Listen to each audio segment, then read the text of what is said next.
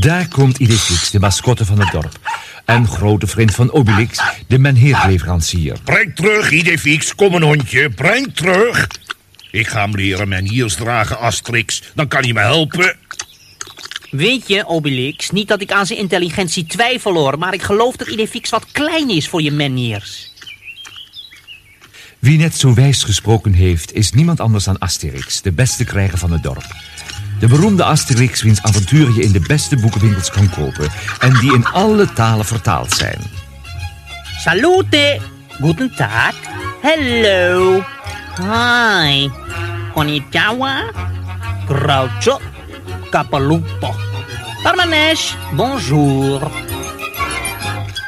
U vraagt zich af hoe dit dorpje met een handvol krijgers weerstand kan bieden aan de machtige Romeinen. Nou, dat is te danken aan de toverdrank van de druïde Panoromix, die de drinken ervan bovennatuurlijke macht geeft.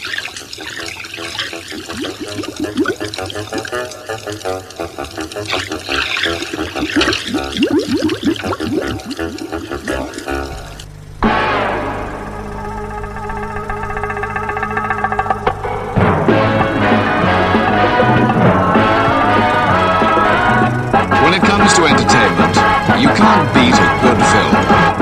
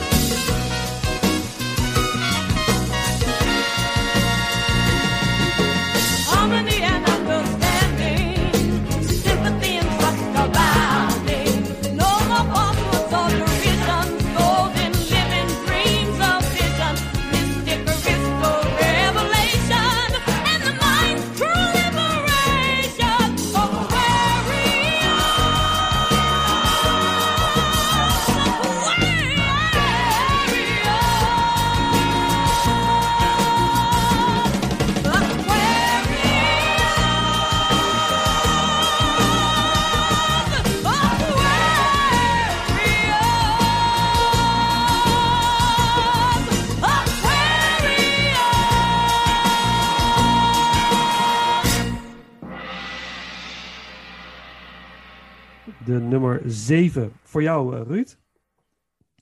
Ja, mijn nummer 7, dat is er zo één waarvan ik weet van... Als ik, als ik jullie, eh, als jullie die, die niet al in je eh, top 10 hebben staan... zie ik jullie dadelijk waarschijnlijk in beeld andere dingen van de lijst wegkrassen... zeg maar, om ruimte te maken voor deze film.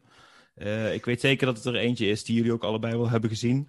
Het is namelijk Les Douze Travaux de Asterix. Ook wel bekend onder de Nederlandse naam Asterix verovert Rome. Wat mij betreft, de Asterix-film. De animatiefilm. De animatie, Ja. tuurlijk de animatiefilm. Er waren toen alleen nog maar animatiefilms ja, dat- Asterix. De special effects waren nog lang niet goed genoeg, zeg maar, om Gerard Depardieu mensen weg te laten slaan.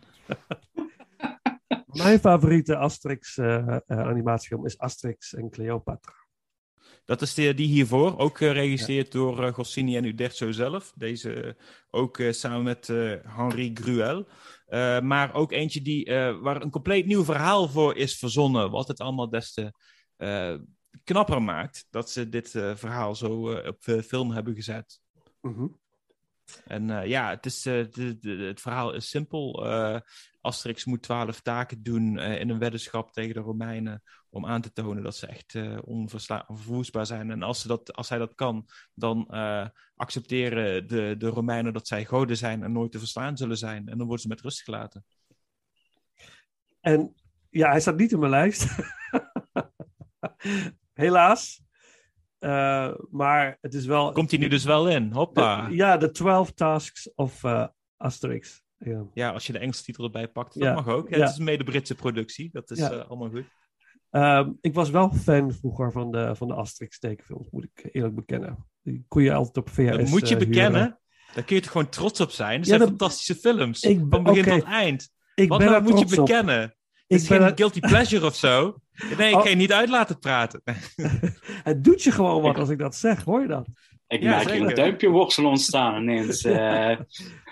Ja, ik kan het ook niet laten. zelfs bij duimpje worstelen was hij niet zo heftig. Moet je nagaan. nee. nee, maar wat spreekt je zo aan aan deze film dan? Wat, wat maakt het dat hij in je top 10 staat?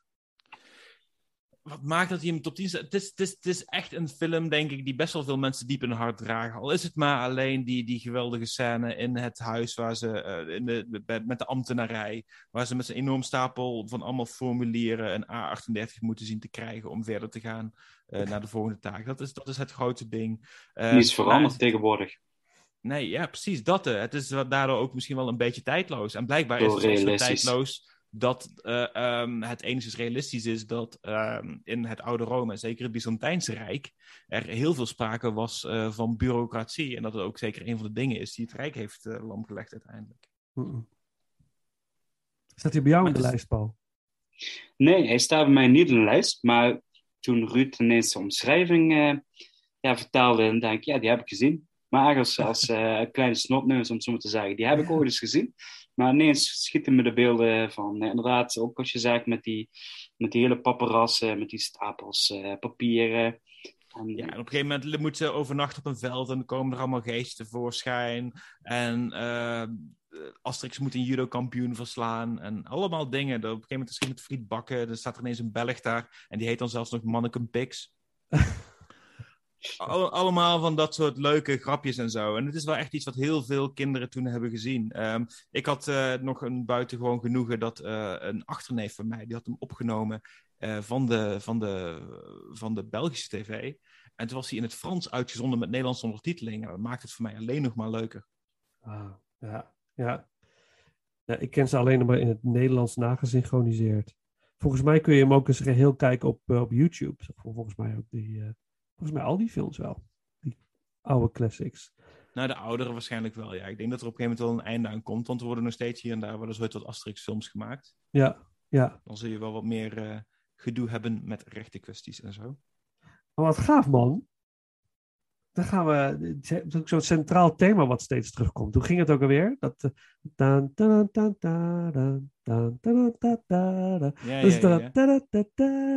da- da- da- Dat is hem toch? Ja. Ja, spelen maar. Ja. Here we go. Catch the keyboard. Ja. Ik ben even snel het googelen, maar is- volgens mij staat hij zelfs op Netflix. Ja, ik weet dat Asterix en Cleopatra wel op Netflix staat volgens mij. Dus die, eh, Nou, ik weet wat ik morgen ga doen. Ja, ik schrijf King, King Kong gaat aan de kant, maar ik ga dus echt voor Asterix. ik, zou, het- ik zou het niet doen. Eh, Asterix verslaat Ja. King Kong. Je hoort Dat bedoel ik. eh, eerst. Ja, het staat meer tussen beeld bij, bij dat, dat Asterix heel veel trappen moet rennen. Ja, dat Of- is of- in dat huis met al die paparassen. Ja, precies. Dat, dat, op en eh, tikke, tikke, tikke, tikke, tikke, tikke, tikke. En echt zo de heel, ja, met, ja, heerlijk. Ja. Oh, helemaal happy. Weer iets wat op mijn lijstje gaat. Hoppa. nou ja, wat gaaf dat die in, in de lijst staat. Dat ik, die had ik niet eh, zien aankomen. Hey, als je goed wil podcasten, moet je met verrassingen komen. Dit was de mijne. Mooi. Dat klopt. Mooi. Nou, doen, zullen we dat thema dan maar even doen? Ik kan nog even, dat is, de muziek is van Gérard Calvi. Eh, ja, Asterix eh, thema. Dus eh, here we go. Briljant. En jouw nummer 7, Paul.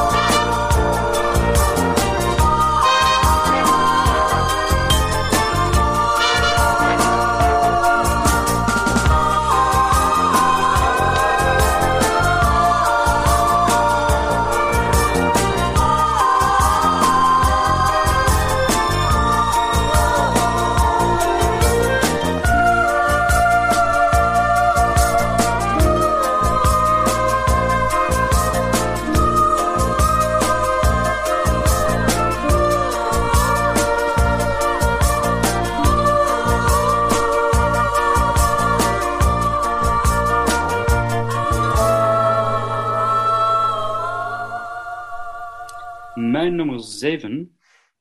Even kijken, want volgens mij heb ik een foutje in de lijst gemaakt.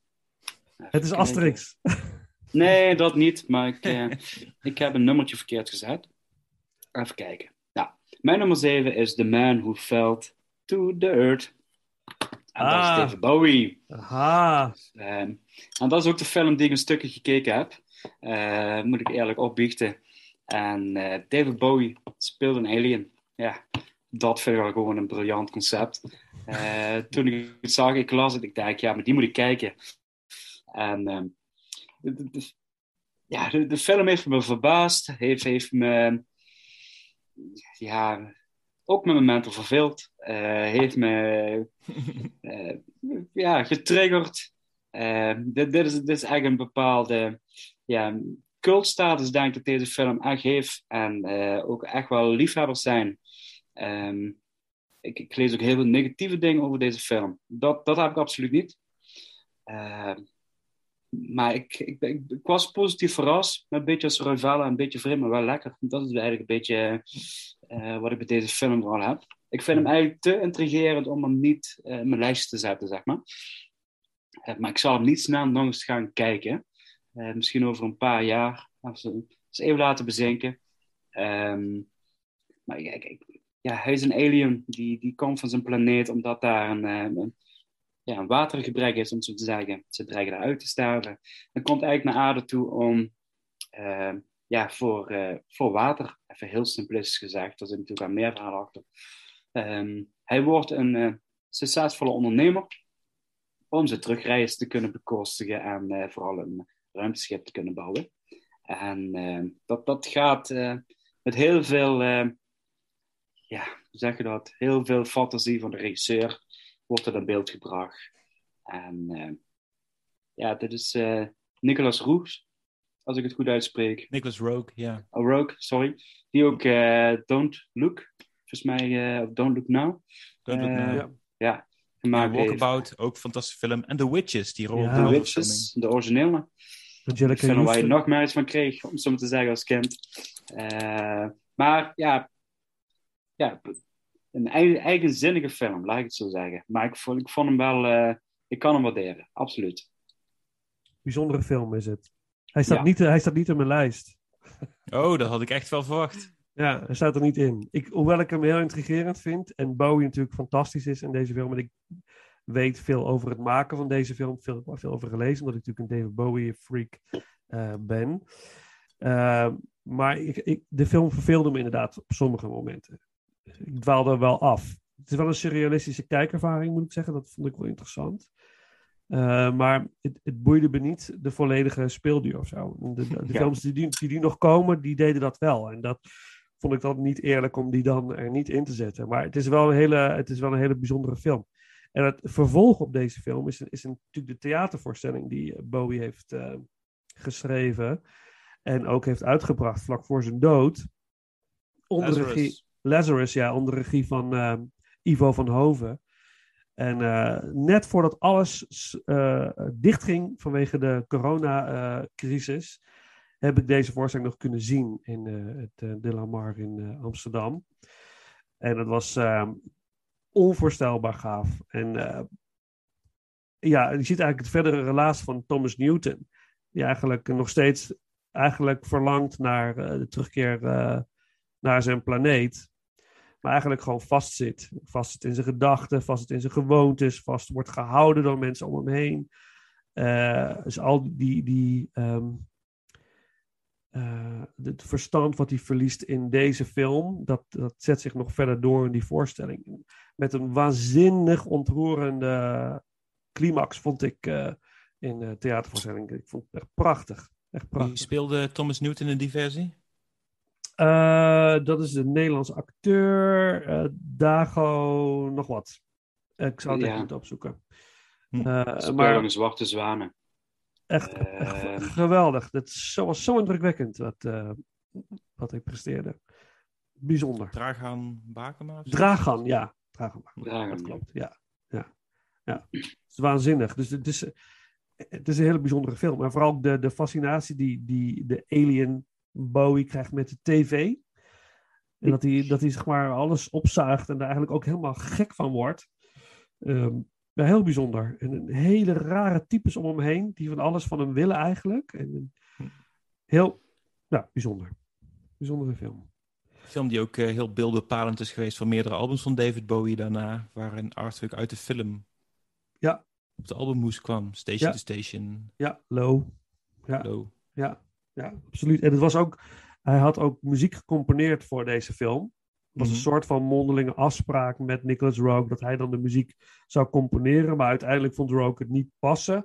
En is, het er, is er een hele andere Toen componist. ging hij in Rogue op. Ja, ja. Wow. Drop. Ja, heeft wel even wat, eh wat eh, strubbelingen teweeggebracht. Maar uiteindelijk is dat al op low eh, terechtgekomen. Die muziek die hij eigenlijk voor Hm. eh The Man Who Fell to Earth eh, eh, had gecomponeerd. Dus dat is wel interessant. Ja, ja mooie keuze, Paul. Dank je. Ja, gaaf. Bij jou, Ik Ruud? kan gaan, hè? Ik ben klaar. Ja, dat zit. Dankjewel. Check. Ja, nou ja, dan wil ik nog wel een stukje van de soundtrack doen. Dat is geen, dus geen muziek van Bowie. Maar eh, ik vind de soundtrack is wel mooi, vind ik. Er zit een hele gave track in die heel erg eh, kenmerkend is voor het eh, Amerikaanse landschap, naar mijn, eh, naar mijn idee. Eh, eh, John Phillips maar heeft de, uiteindelijk de muziek gemaakt en de track heet America. Je hoort ook zo'n slide guitar. En is- de film heeft fantastisch mooie, mooie beelden van het Amerikaanse landschap. Ook dat word je ook nog op, op getrakteerd in deze film. Dus deze muziek hoort daar onder andere bij. En ehm, dan over naar, eh, naar jouw nummer, eh, of naar mijn nummer 7. Ja. Ja.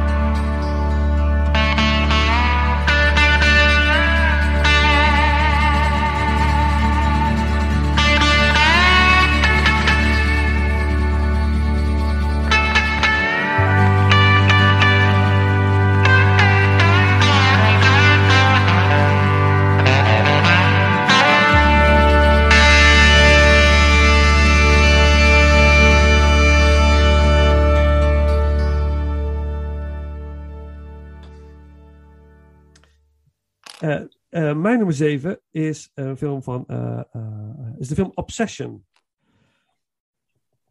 Ik was Ehm, benieuwd of dat die voorbij ging komen. ja, ja, en ik had deze film nooit gezien. Een film van eh, Brian De Palma. Mhm. En eh, wat ik niet wist, ook nog eh, het scenario van eh, Paul Schrader. Die natuurlijk ook het scenario voor Taxi Driver heeft eh, geschreven. Dus dat wekte nog meer mijn nieuwsgierigheid. En ehm, de film is eigenlijk eh, vrij. Het, het is een thriller over, over een, eh, een man die nogal welgesteld is. En eh, aan het begin van de film worden zijn, wordt zijn vrouw en zijn dochter worden ontvoerd. Er wordt losgeld geëist.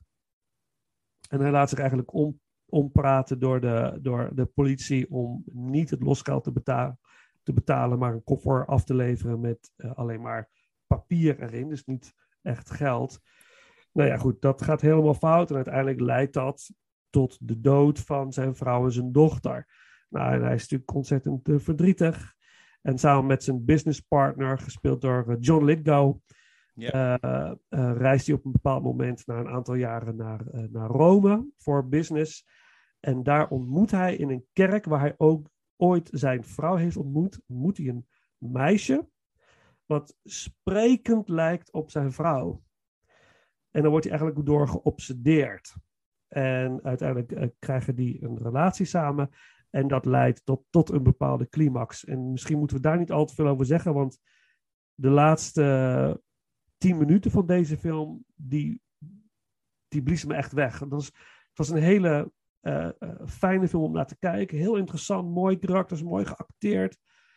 En je vraagt je de hele tijd af, waar gaat het heen? Waar gaat het heen? Waar gaat het heen? Maar ik had deze climax echt niet verwacht. Ik, was, ik was, vond het echt fantastisch. Dus de laatste tien minuten maakt deze film bijna briljant, vind ik. Dus eh, echt ijzersterke, ijzersterke film, vond ik. Eens. Brian De Palma, ehm, sowieso wat een jaar voor Brian De Palma. Ik weet niet of ik daar een spoiler weggeef eh, voor jullie lijstjes verder, maar dat zou zomaar eens kunnen. Mhm. Eh, maar ja, hij eh, werd er vaker van beticht dat hij eh, nogal wat jatwerk deed bij Hitchcock. En dit is er eentje waarbij dat extra werd benadrukt. Maar zelfs als je hem onder die loop bekijkt, nog steeds wat een talent voor filmmaker had die man. En eh, hoe hij dat in, in, in deze film heeft gegoten. Het is soms wat hit or miss met Brian De Palma, maar de, dit jaar heeft hij echt een heel goed jaar wat dat betreft. Ja, eens. Eens. Ja, ja. Ja, voor mij, ja, ik kan niet veel spoilen. Maar in ieder geval, komt u nog bij jullie voorbij, Obsession? Nope. Misschien.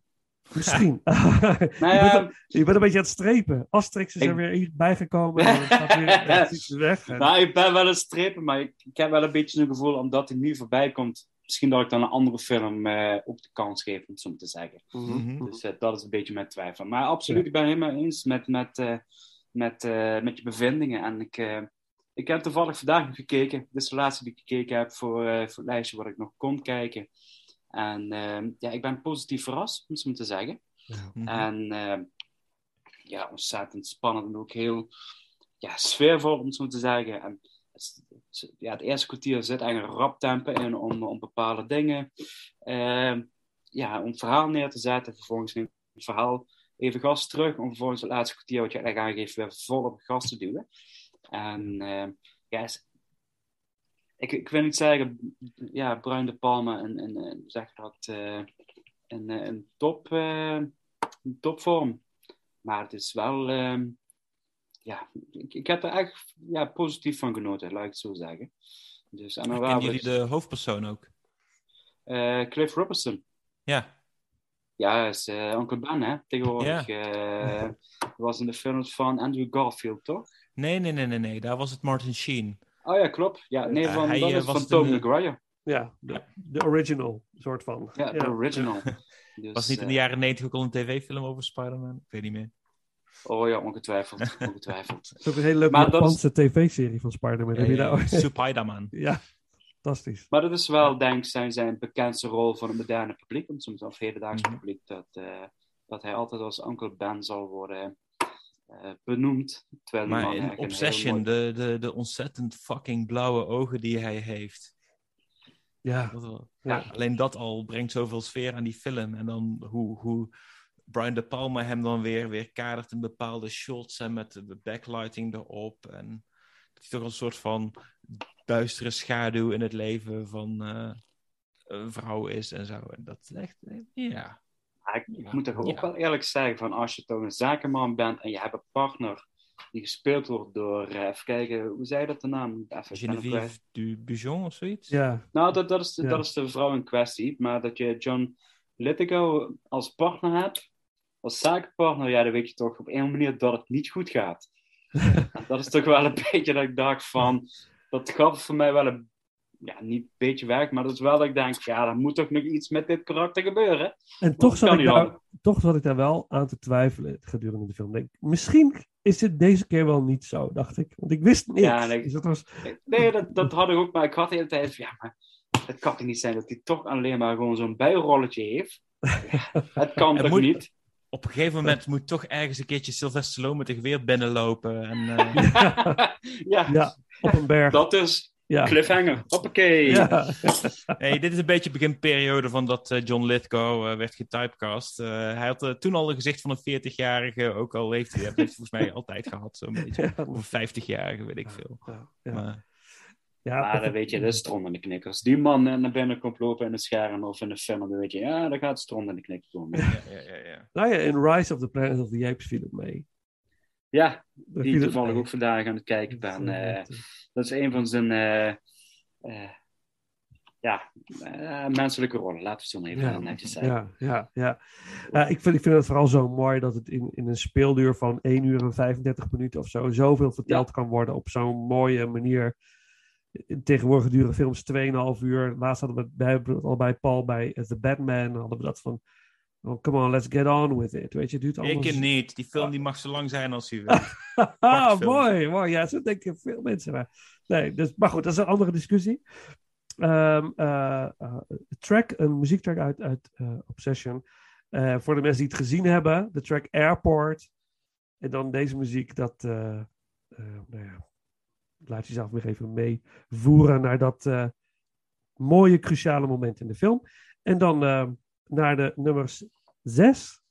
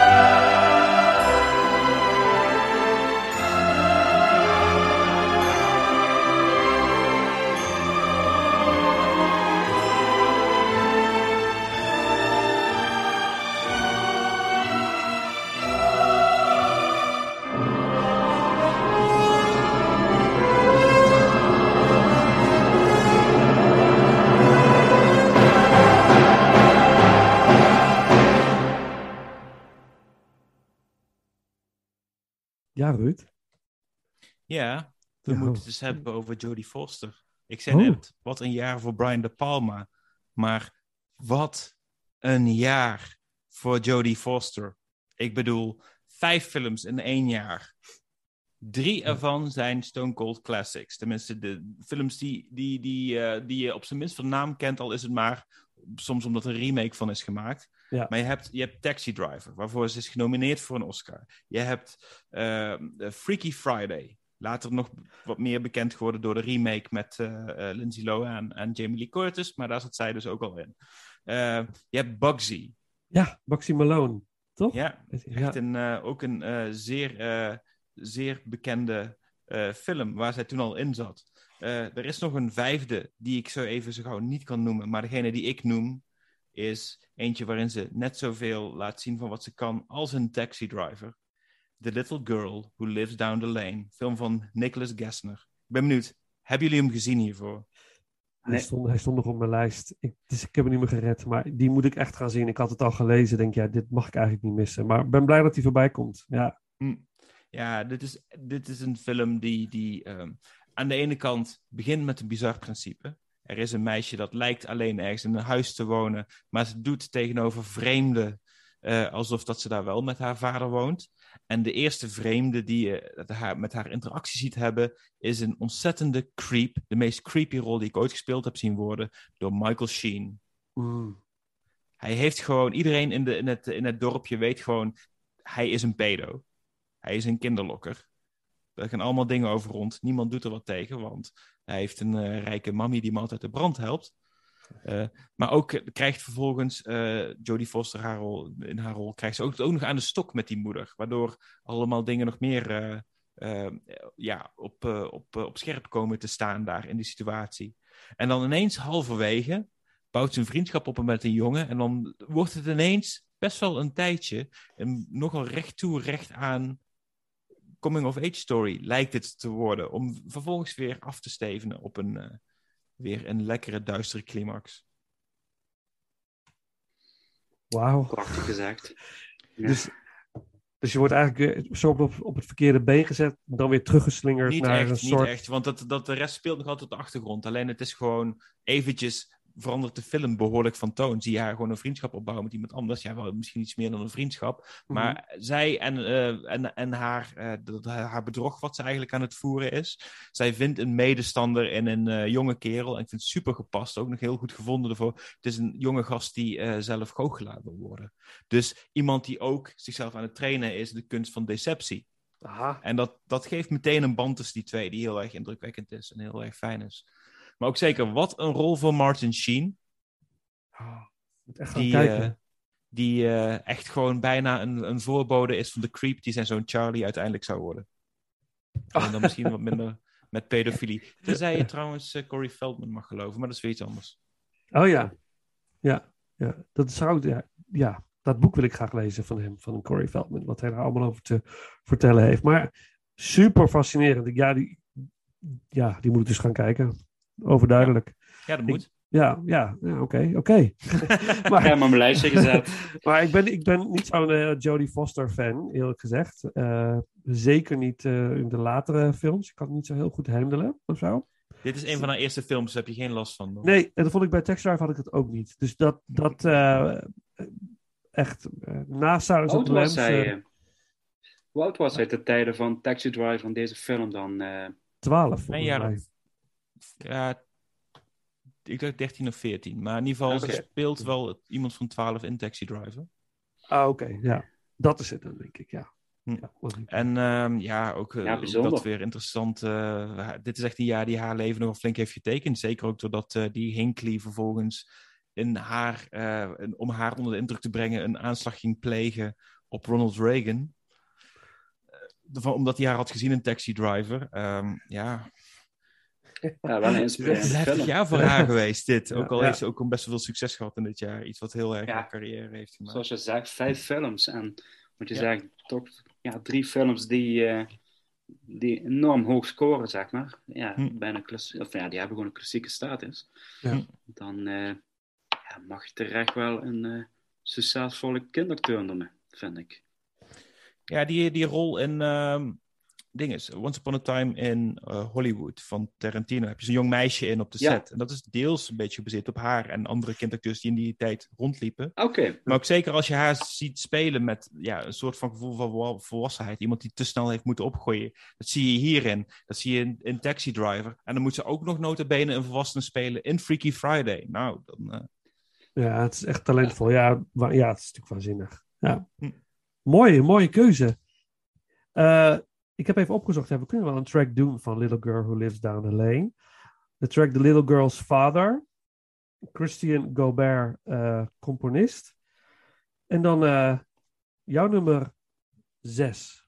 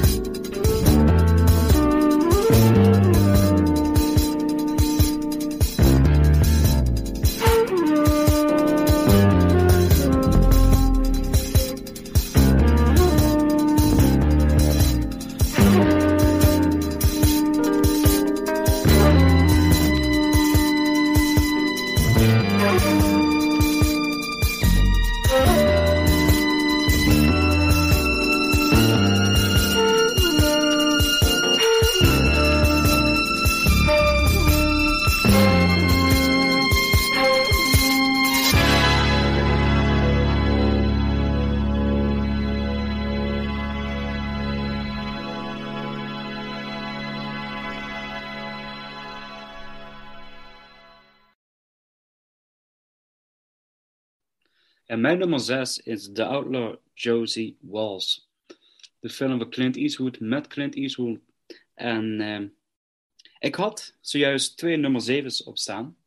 Dus, en ik had in eerste instantie op nummer 6 Obsession staan. Dus ik denk, nou, heel mooi. Obsession hebben we gehad. Dus ik geef Clint Eastwood toch eh, de ruimte om in mijn lijstje voorbij te komen. Ehm, ja, ik kan die wel had- gebruiken. Ja, ja, want hij had eh, twee films eh, in dat jaar. Ook een Forcer had hij. De derde Dirty Harry film. Fijne film ook. Ja, fijne film. Maar een zekerheidje dat hij niet in mijn lijstje voorbij ging komen. Dat uh, voor ik überhaupt moet schrijven, wist ik van, die gaat er niet in komen. Ehm, ja, ik vind het gewoon een prachtige, prachtige western, om het even zo te zeggen. Hij is inderdaad een outlaw. En ehm, ja, echt zo'n, eh, ja, de eenling waar Eastwood vaak bekend staat in zijn films, in zijn cowboy films. Die, eh, die ehm, ja, ook weer eh, ja, hij gaat wraak nemen eigenlijk een beetje. Want zijn gezin wordt in het begin door, door ik weet even niet welk leger dit precies is. Maar ik was een gezin komt de prooi en komt ook om een leven. En hij sluit zich aan bij de rebellen, om het even simpel te zeggen. En vervolgens eh, gebeuren allerlei omstandigheden waardoor hij alleen nog overblijft. En hij lijnrecht tegenover een oude bekende komt te staan. En ze slaan de vlug. En op de vlug komt hij allerlei aparte figuren tegen. Waaronder, eh, even kijken, goed zeg, eh, Chief Dan George. Eh, die ik eh, ja, prachtig vind. Een eigen Indiaan. Die, eh, een Indiaan op leeftijd, maar met de charmes van een 25-jarige. En die van alles weet klaar te spelen in deze film. En het levert zich uiteindelijk, eindigt dit in een hele sterke shootout. Eh Clint Eastwood met twee pis- pistolen op een paard. Dat is het geld waard, vind ik. Het ruimt, hè? Dat is mooi. Ja. Josie Wales die zit dan eh, bij het leger van de Geconfedereerde Staten. Ik heb het even voor de zekerheid opgezocht. eh. dankjewel. Ja, ja. En die Union, eh, wat is het de Union? Die, eh, eh, eh, dat zijn de, de, de moordenaars van zijn familie. Of tenminste, ja, dat, dat, die, hebben het gezin, die vermoorden het gezin aan het begin van de film. Ja, Mhm. En eh, ergens aan het begin worden ze ook eh, gevraagd om zich eh, over te geven aan, aan de Union. En zich trouw te zweren aan de American flag. En eh, Josie Wales is eigenlijk de enige die het niet doet, hè? En, eh, dat is maar goed ook. Zoals ja, is maar goed ook. Ja. ja, inderdaad, ja. Ja, ja. ja. Goede film. Staat niet op mijn lijst, maar wel echt een, eh, echt een hele goede, echt een goede film. Ja. Ja, een van deze films van dit lijstje en zo, die ik wel op een groot doek heb gezien, van eh, films van dit jaar. Eh, laatst in Nijmegen, toen was eh, eh, Martin Koolhoven hier zijn programma Koolhoven's Keuze, wat hij dan in verschillende bioscopen doet in het land. En toen had hij themadag Clint Eastwood en de film die hier in Nijmegen werd vertoond, was die Outlaw Josie Wales. Erg prettig om die op groot doek voor het eerst te zien. Wat me ook zeker echt opviel aan die film was dat hij eigenlijk halverwege ineens best wel op een prettige manier gezapig wordt. Maar in ieder geval een stuk sentimenteler dan ik van tevoren had verwacht. Als hij zo'n groepje eh, normale mensen vindt met wie hij weer een soort van band met een normaal leven weet te vinden. Totdat daar weer van alles misgaat en er weer bedreiging komt. En, eh, en eh, weet ik veel, het litteken dat over gezicht staat weer begint te jeuken en dat hij iets in krijgt om te schieten. Ja, en ook, ook echt gewoon een hele, ja, toch wel een, een fijne humor zit in die film. Ja. En de hele tijd ook van, op een gegeven moment wordt er ook bepaald eh, bijna, ja, wordt er grappen meegemaakt van dat de ene zegt, ja, nu moet hij eh, zijn, zijn pruimtebak uitspugen. En dat is eigenlijk het teken dat hij gaat schieten, om het zo te zeggen. Dus en zo wordt het ook in beeld gebracht van, hij doet eerst dit, en dan dat. En dan spuugt hij die pruimtebak uit, en dan zie je inderdaad pistolen komen, en dan weet je, nou, begin maar te rennen, jongens, want eh, je wordt voorop geschoten. Ja. Ja, ik, ja, ik vond het eigenlijk heel, eh, heel leuk, moet ik zeggen. Heel, eh, ja, heel vermakelijk. Dus eh, Gaaf. Gaaf. Komt u bij jou nog voorbij, Ruud? Nee. Mooi. We zijn best wel uniek in onze keuzes tot zover. Dus dat, is, eh, gaat, eh, dat gaat goed. Ehm, Oké, nou dan is, doen we een stukje filmmuziek uit eh, deze fantastische Clint Eastwood classic. Eh, de main title, muziek door Jerry Fielding, The Outlaw Josie Wales. En dan eh, naar mijn nummer 6.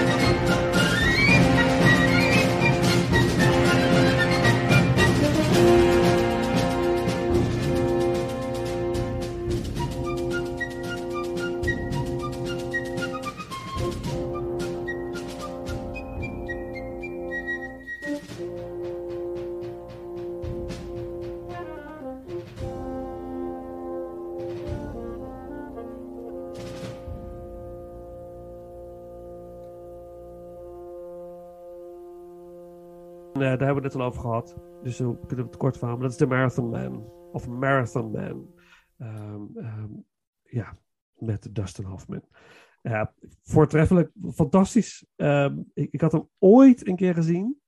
Maar ik was eigenlijk bijna alles al vergeten. Dus het was voor mij een, echt een verse kijkervaring. Eh, ik was, het was een van de eerste films die ik keek voor, eh, van de lijst. En ik dacht, oké, oké, 1976. eh, dus dat is nog voor de ethisch, dus het zal traag zijn. Dus weet je, dat had ik allemaal in mijn achterhoofd. Van, ik moet er echt voor gaan zitten en volhouden. Maar eigenlijk bij geen enkele film in, deze, in mijn lijst heb ik dat gehad uiteindelijk. Dus ik vond... Ik, ik was ontzettend gefascineerd door deze film. Heel erg geboeid. Ehm, ja, geweldig acteerwerk hebben we al besproken. Ontzettend mooie spanning wordt er opgebouwd. Ehm, ook, ook een hele mooie finale, vind ik. Eh, dat is niet eens de, de martelscène. Die zit ergens net iets over de helft. Eh, maar ja, eh, prachtig. Echt prachtig. Uh, dus zeker de moeite waard. En absoluut niet remaken, deze film. Doe het niet. Blijf er in godsnaam vanaf. Ik denk niet dat het heel erg uh, um, geloofwaardig is als er nu nog een stokoude natie ergens op straat loopt. En dat, nee, dat is waar. Nee, dan moeten ze hem toch weer in het verleden plaatsen, inderdaad. Ja, eens. eens. Maar die scène... Kijk, zo'n vertaling naar het hedendaagse denk van, nou, dit werkt niet. Nee. nee. Maar die betreffende scène vond ik misschien nog wel, waar je het ook net over had, over dat hij herkend ja. wordt op straat, vond ik misschien nog wel indrukwekkender dan, dan de, de bekendste scène uit de film. Vond, dat, ik vond het zo uh, gaaf. De, de, hij, hij voelt zich eigenlijk onkwetsbaar tot dat moment. De, de, de natie in kwestie, zeg maar. Dat was zo uh, bijzonder mooi uh, uitgespeeld. Ja, meens. ja, dat, ja, Heel, heel mooi. Dat vind ik, vind ik de hoogtepunt van deze film. Ja. Die scène. Ja, ja heel indrukwekkend. Dus um, ja, hij komt vast nog voorbij zo bij jou, Paul. Dus laten we de muziek even skippen. En dan uh, gaan we over naar de uh, top 5. Ja, Ruud, wat is jouw nummer 5? Ja, mijn nummer 5. Um, ik ben benieuwd wie van jullie hem heeft gezien. Want uh, het is er eentje, een van die twee titels die ik afgelopen weekend heb gez gezien. Ook een beetje met op het oog van, die zou zomaar eens mijn top 5 kunnen halen. En dat deed hij. Hij staat op 5. The Killing of a Chinese Bookie, film van John Cassavetes. Same, ik heb hem ook op nummer 5. Ja. Ook op nummer 5. Ja. Ja. Nou. Gezien, heb jij hem gezien, Paul? Nee, ik heb hem niet gezien. Schijn draag op, hè? ja, echt doen. Ja, het is wel een hele bijzondere ervaring, moet ik zeggen. Maar ik laat jou Ja. eerst, Ruud. Wat, uh, wat zijn jouw... ge- Waarom nummer 5? Nou, veel mensen kennen Ben Gazzara misschien van zijn uh, rol als die hele suave pono-baas in uh, The Big Lebowski. Als Jackie Treehorn. Um, als je een soort van andere kant van hem wil zien, zou ik zeker zeggen: kijk eens, The Killing of a Chinese Bookie. Waarin hij de, ook een beetje een seedy uh, baan heeft. Hij speelt de baas van een stripclub. Alleen hij is echt een heel ander soort figuur. Iemand met dikke vette gokschulden, die eindelijk gokschulden heeft afbetaald. En wat gaat hij als eerste doen? Gokken. Want ja, dat is een goed idee. Nou, volgens heeft hij zoveel schulden dat uh, de mafiosi bij wie hij dat heeft gedaan, die zeggen tegen hem van, nou ja, wil je die schulden afbetalen? Dan moet je ons maar eens helpen om van deze persoon af te komen. Deze Chinese boekmaker die uh, onze plannen dwarspoomt hier, uh, die te machtig is geworden. Die moet weg. Jij mag het ervoor zorgen dat het gebeurt. En vervolgens leidt dat tot allerlei leuke ontwikkelingen. Um, als ik 1976 als jaar op een manier moet typeren, en ik heb zeker mijn best gedaan om films uit te kiezen hiervoor die het jaar typeren, is het dat het ook echt een tijdsbeeld is waarin je acteurs hebt die gewoon op een bepaalde manier best wel iets animalistisch kunnen uitstralen. Toch intelligente personen kunnen spelen, maar wel iets raars over zich hebben. De creep Martin Sheen in uh, Little Girl, heel geraffineerde man, maar ook iets met een heel rare dierlijke ondertoon. Uh, Travis Bickle heeft ook iets, iets, iets bijna als een gewond beest dat zich probeert te, te, te, handhaven in de wereld. Dat soort dingen zie je heel veel. Maar een van de mensen bij wie me dat echt dat, dat kwartje viel van, hé, hey, dit zie ik heel veel terug en dat voel ik hier ook weer. En weer op een sublieme manier was bij Ben Gazzara in deze film. Ja, ja. ja ik, ik, eens met alles wat je zegt. Ik, het was mijn eerste John Cassavetes er, filmervaring. Ja, voor uh, mij ook. Ja, en ik moet meer zien van deze man. Ik, ik, ik, vo- ik vond het in eerste instantie, de manier waarop hij filmt, het is heel dicht op de huid. Het is heel apart eh, gefilmd. Ehm, en dat is heel vreemd, vond ik aan het begin van de film. Een hele rare, aparte kijkervaring. Maar naarmate de film vorderde, was het, het zoog me wel mee in het verhaal. Ja. En ik was compleet eh, eh, into. Ik zat erbij alsof ik erbij zat. Zo is de film ook opgenomen. Alsof je daadwerkelijk gewoon meeloopt bij alles. En wat ik ook heel fascinerend vond, is dat de stripclub die hij had, was niet zomaar een stripclub. Het was een soort van eh variété-achtig programma wat hij maakte. Hij, eh, waar hij, wat hij zelf ook, eh, wat ik een beetje begreep, regisseert. Hij had wel een musical director. Maar het grappige was dat, dat alles op het podium a cappella was. Hm. Alle zang was a cappella. Het was helemaal geen muziek. Dat gaf ook een hele beetje David Lynch-achtige eh, kijkervaring, vond ik.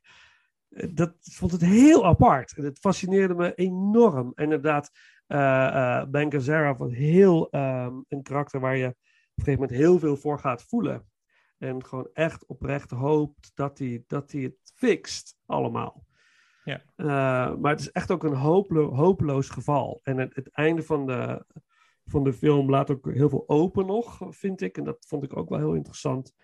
Ja. En ik vond alle acteerprestaties echt waanzinnig goed. Of zo. Ik weet niet, dat komt waarschijnlijk ook door het, door het camerawerk en, en door de regie van Cassavetes. Hoe, Hm. het, is, het is zo echt. Ik, vond- ik vond het echt ik vond het waanzinnig. Echt waanzinnig. Behalve dat hij echt een eh, acteursregisseur is, eh, omdat hij zelf ook een acteur is. Hij speelt ook een van de hoofdrollen in Rosemary's Baby van 1968, om daar even op terug te komen.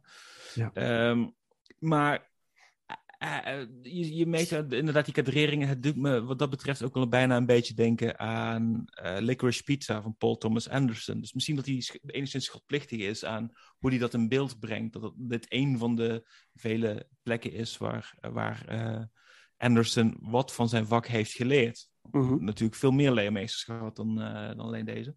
Ja. Ehm, en ook doet het me gewoon in, in veel opzichten wel wat, wat denken, wat, wat ook misschien ook wel wat van die beestachtigheid aan, aan ehm Uncut Gems. Niet op zijn minst door de kokverslaving. Mhm. De film is veel intenser en veel eh, nerveuzer. Maar Ja. het heeft zeker raakvlakken. Ja, ja, ik heb niet over nagedacht, maar ik zie die gelijkenis zeker wel, ja. Ja, ja. Paul, je moet echt gaan kijken. En, en je laat ja, je, echt laten over, overweldigen door...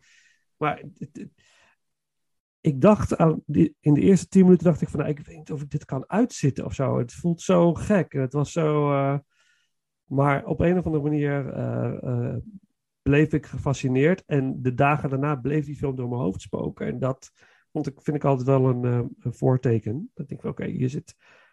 Dit, dit is wel een hele bijzondere ervaring geweest.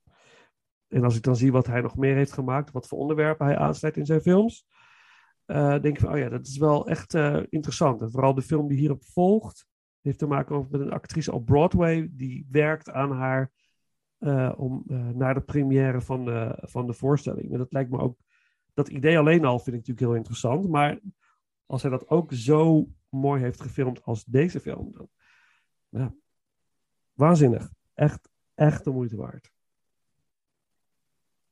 Ja, nummer vijf. Er zit bijna geen muziek in de film. Wel een beetje. Heel veel a cappella natuurlijk op het toneel. Eh, maar er zit één... Ik kan daar eh, een stukje van doen. Haha. ja, ja, misschien doen we dat wel als introotje ergens. Maar we hebben wel een, een, eh, track Almost in Love eh, With You eh, door Jack Sheldon. Eh, uit de The Killing of a Chinese Bookie. En dan eh, jouw nummer vijf, Paul.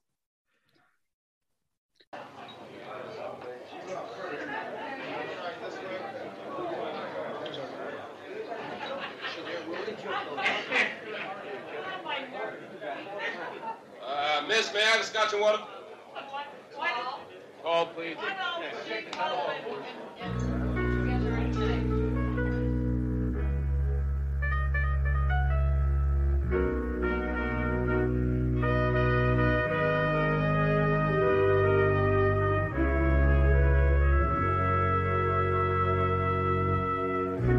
Been pointed out by people.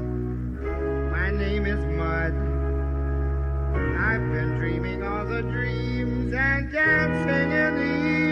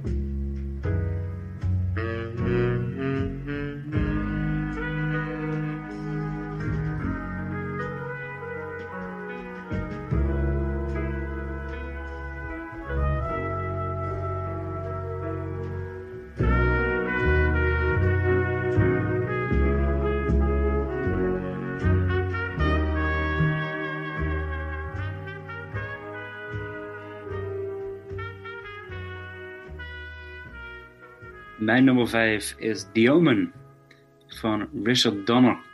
En eh, kort samengevat, het verhaal gaat over een Amerikaanse ambassadeur. En zijn vrouw, ze verliezen een kindje, maar tegelijkertijd wordt een ander kindje geboren. En hij besluit vooral om dat kindje te adopteren. En eh, vijf jaar later ja, breekt de pleuris uit, laten we maar even zo samenvatten. Eh, dat kindje heeft nogal een bepaalde handleiding, laten we zo zeggen. En in de film wordt heel lang gesuggereerd dat het de zoon van de duivel is. En naarmate hetgene wat ook gebeurt in de film, mogen we ook uit concluderen dat het toch ook wel het geval is. En eh, ja, goed. Ik ga niet over remake beginnen. Skippen die zooi. Maar ik, ik, ik, ik heb hem afgelopen week voor het eerst gezien, deze film. En ik vond hem echt geweldig. Ik, eh, ik, ik heb echt genoten van deze, van deze film, om zo te zeggen. Het enige wat goed is van de remake is de datum waarop die uitkwam. Ja, dat was, 6 was juni, 6 juni 2006. Ja, ja, precies niet, zeg. 666. En, uh, ja. 666 inderdaad. En dat, uh, ja, lieve luisteraars, laten we het ook behouden. Hè, wat betreft de remake. Uh, ja, ik, ik vond het eigenlijk gewoon een ontzettend spannende film. Ik vond het heel sfeervol. Ik vond het echt... Ja, ik geniet ervan hoe, hoe de film gemaakt is. Met de middelen die er toen waren.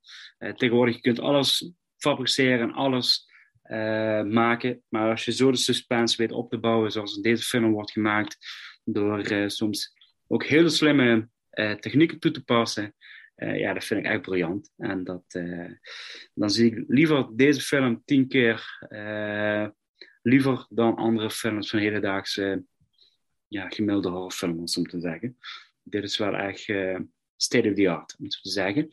En daarna is ook wel leuk om te lezen dat natuurlijk de productie van deze film, want er is een documentaire gemaakt over de productie van deze film. ja, de, film schijnt zelf ook niet geheel, of de productie niet geheel van het leien dakje te gaan te zijn geweest. Dat er ook wel van alles van spooky elementen zijn gebeurd eh, op de set, om zo te zeggen. Dus eh, mensen Ja, die ongelukken kregen. de legende sowieso. Dat zijn Ja, leuke dingen. ja, absoluut. Maar ik, ik had ook direct zoiets van, ja, maar die documentaire wil ik dus eigenlijk ook kijken. En dat vind ik dan ook wel een bepaald kracht bij deze film eh, bijzetten, zeg maar. Dus eh, Mooie rol, van vijf. Gregory, mooie rol van Gregory Peck ook, hè? ja, ja, Heel charismatische acteur, zeg. Een hele Ja. fijne rol ook van David Warner. ja, een acteur die heel vaak in dit soort horrorfilms zat en dat soort dingen in deze tijd. eh Ja, eigenlijk een hele graag bekende gast. En ook zeker de manier waarop dat hij doodgaat is echt een van mijn favoriete film sterfscènes ever. Ja, dat eh, moet ik je helemaal gelijk geven. Ik, eh, ik zag het en ik denk van, eh, wat goed gemaakt. Echt, Ja. echt top eh, gemaakt.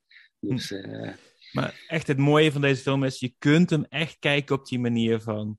ehm, dus dit, je, je, je- er wordt wel heel erg zwaar gesuggereerd dat het inderdaad kind van de duivel is. Maar je kunt hem kijken dat alles wat gebeurt met mensen in deze film, dat het gewoon puur toeval is.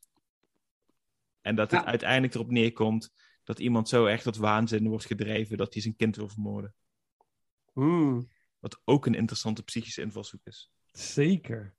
ja, het ligt er niet dik op, om zo te zeggen. Het is heel suggestief, het is heel sluimerend. En dat is, ja, wat ik, ja met de remake, daar lag wel heel dik bovenop. En dan denk ik van, eh, ja jongens, eh, eh, precies eigenlijk alles wat deze film goed maakt, werd in die film gewoon echt fout gedaan. Het, eh, het, het- ja goed, ik ga er niet meer over zeggen, skip hem gewoon. eh. maar Er dat zijn is ook wel... een paar vervolgen opgemaakt, hè? Deel Ja. 3 speelt een jonge Sam Neill nog een eh, jong volwassen Ja. Damien. The Final Moeite waard? Destination, volgens mij. die Nooit gezien, dus ik moet hem echt een keer... Ik wil het wel eens Oké. een keer eh, de moeite waard geven. Ik ben wel benieuwd wat het is. Ja, interessant Ja. voor een ranking. Yes, Volgend jaar Halloween. Halloween. Ja, schrijf Maar maar niet op. dit jaar Halloween. Ja, die hebben we volstaan. Daar hebben we al iets. Ja, we zijn druk bezig. ja, We vervelen Maar- ons niet.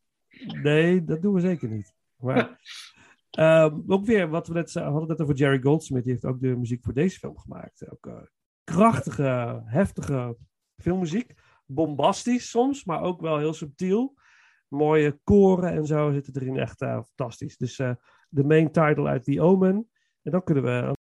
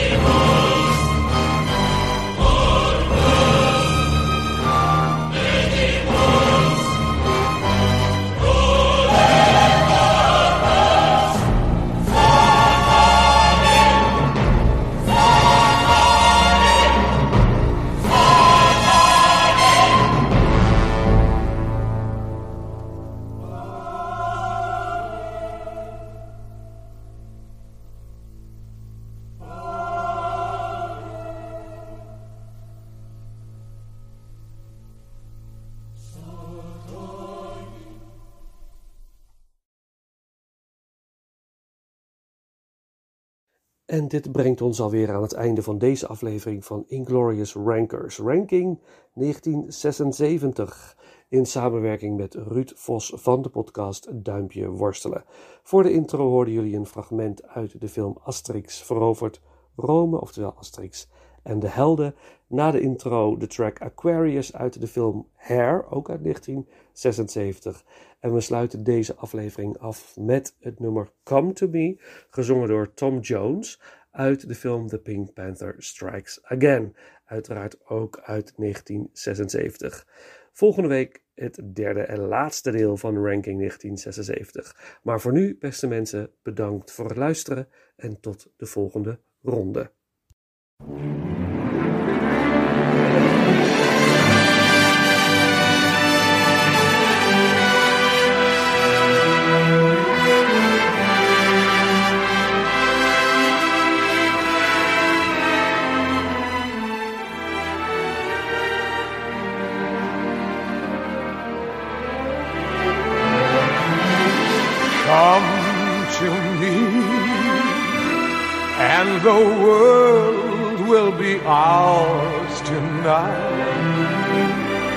Make me yours, come and hold me tight. I must have you. Come closer, love me now. And I'll give all I've got to give. Make it soon so that I can live and love and dream for two. I'm here and I'll stay here for at least forevermore. Oh, darling, can't you see? I want you loving me. I need you, come to me. And we'll walk in the sun each day. Summer will be a kiss away. Just wait and see. Oh, what a moment that will be when you come to me.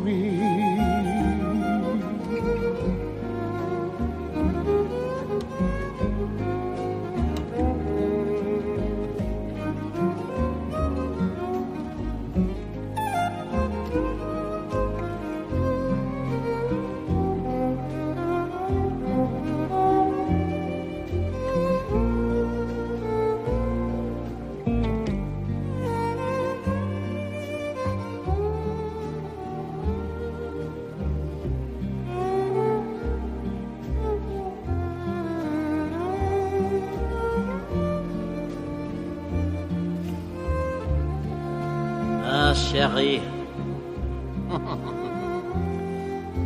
Come to me, and the world will be yours tonight. Make me yours, come and hold me tight. I must